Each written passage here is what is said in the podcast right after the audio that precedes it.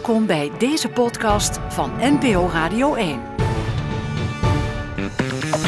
Als je aan het begin van de week voorspeld had dat Vitesse-coach Henk Vrezer ontslagen zou worden, dan hadden mensen je aangekeken met een blik van dat zou best eens kunnen.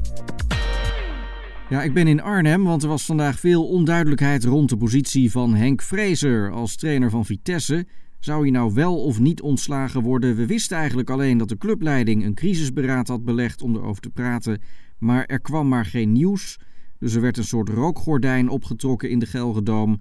En als het dak dan dicht is, dan eh, gaat het ook niet zomaar weg. Nou ja, zojuist kwam er dan eindelijk een bericht naar buiten. Henk Vrezer blijft gewoon ter discussie staan. De directie van Vitesse blijft tot het einde van het seizoen in crisisberaad bijeen. Dat is dus bedoeld om uh, Henk Vrezer een beetje scherp te houden.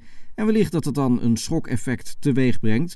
Dus het ter discussie staan van de positie van de trainer staat niet ter discussie. Vitesse heeft het volste vertrouwen in de onzekerheid rond Henk Vrezer.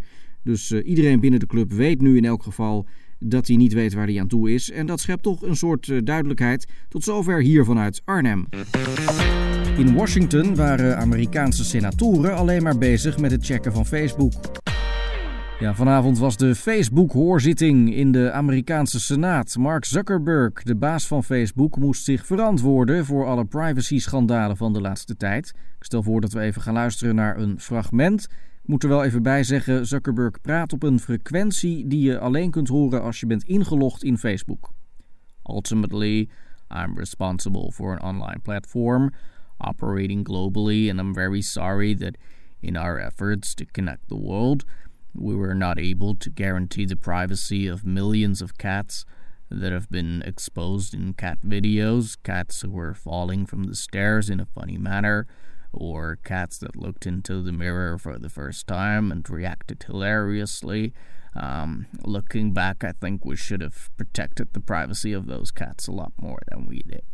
Nou, dat is toch een uh, nederige Mark Zuckerberg in de Amerikaanse Senaat. In de Champions League maakte AS Roma een 4-1 nederlaag ongedaan door met 3-0 te winnen van Barcelona. En Real Madrid schakelde Juventus uit door een saaie en degelijke 3-1 nederlaag met een rode kaart en een opstootje en een penalty in blessuretijd. Ja, vandaag werd er nog aardig wat nagepraat over Gianluigi Buffon, de keeper van Juventus, die gisteravond rood kreeg tegen Real Madrid omdat hij zijn woede afreageerde op de scheidsrechter. Vandaag werd duidelijk wat Buffon nou precies heeft gezegd. Uh, liplezers hebben ernaar gekeken en uh, Buffon zou tegen de scheidsrechter gezegd hebben... Chiezzo pazzo, vergogna, non hai cuore, hai un bidone della spazzatura, chiezzo pazzo, incredibile, incredibile, sei un mongolo. Nou, we hebben het even laten vertalen en het betekent dus letterlijk...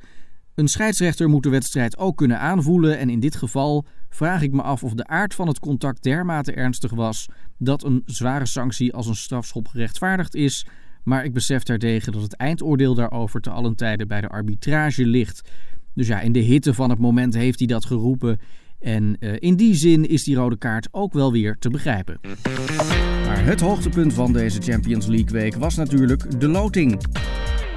Ja, de kwartfinales van de Champions League zitten erop. Twee geweldige avonden hebben we gehad en er is ook meteen gelood voor de halve finales. En dat heeft uh, toch wel weer interessante affiches opgeleverd. Bayern München speelt tegen FC Barcelona en Real Madrid mag het gaan opnemen tegen Manchester City. Als je er iets over moet zeggen, dan kun je toch wel vaststellen dat dit een hele ongunstige loting is voor met name AS Roma en Liverpool. Um, heel zuur natuurlijk. Want als je je tegenstander uitschakelt, dan ben je er heel dichtbij. Maar ja, je moet ook wel echt bij de loting zitten. En uh, de namen zijn uh, twee weken geleden al in de balletjes gestopt. En dat uh, Roma en Liverpool zouden winnen, dat konden ze bij de UEFA ook niet weten natuurlijk. Maar hoe dan ook, twee geweldige affiches in de halve finales. Bayern Barcelona en Real tegen City.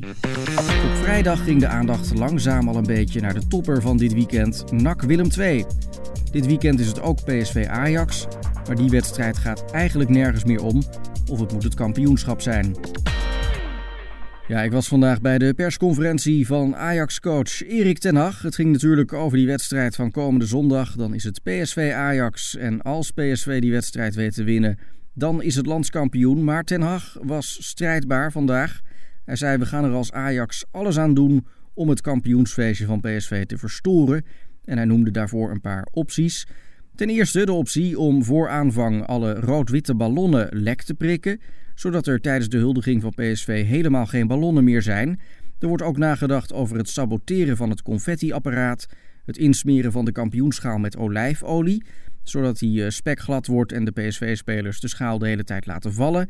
Uh, punaises neerleggen op de route van de spelersbus naar het stadhuis, zodat ze te laat aankomen voor de huldiging. Nou ja, volgens Ajax zijn er dus wel degelijk kansen om dat feestje te verstoren. Alleen niet per se voetbaltechnisch. We gaan het zien. De podcast van Radio 1. Ga naar nporadio1.nl/slash podcast. Daar vind je er nog meer.